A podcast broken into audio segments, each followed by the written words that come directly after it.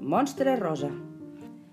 Abans de néixer ja era diferent dels altres. Era rosa i els altres eren blancs. Ups! Monstre rosa Era gran i els altres eren petits.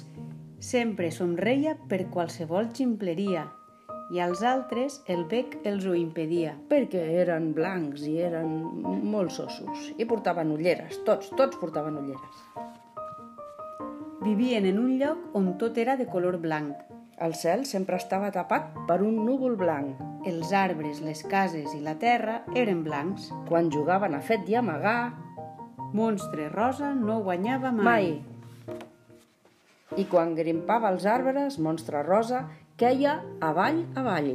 Ha, ha, ha, ha. Quan arribava la nit, tots se n'anaven a casa a dormir.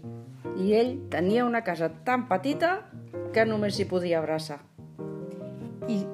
Però Monstre Rosa no hi cabia a casa seva i sempre dormia abraçant-s'hi. I somiava que descobria altres indrets. Fins que un dia, Monstre Rosa es va atrevir a buscar un altre indret. I va emprendre un viatge.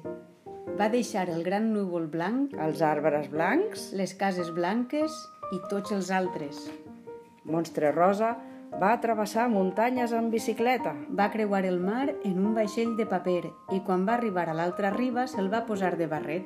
Va recórrer un desert on es dormia durant el dia i es cantava a la nit. I van passar molts dies, Moltes nits, molts dies. moltes nits, i va arribar a un lloc on sí que sortia el sol. de vegades plovia. I altres vegades... Apareixia L'arc de Sant Martí. En aquell lloc va conèixer nova gent, que era molt i molt diferent. Cuca pilota, en comptes de caminar, rodolava sense parar. Ocell groc podia volar i cantar. Monstre blau, amb els braços tan llargs, feia les millors abraçades. Granota de tres ulls, quan saltava, a tot arreu mirava. Tots plegats reien i jugaven tot el dia. Iupi! I a la nit se n'anaven a casa a dormir. En aquest lloc, Monstre Rosa s'hi va quedar a viure i mai va deixar de somriure. Benvingut!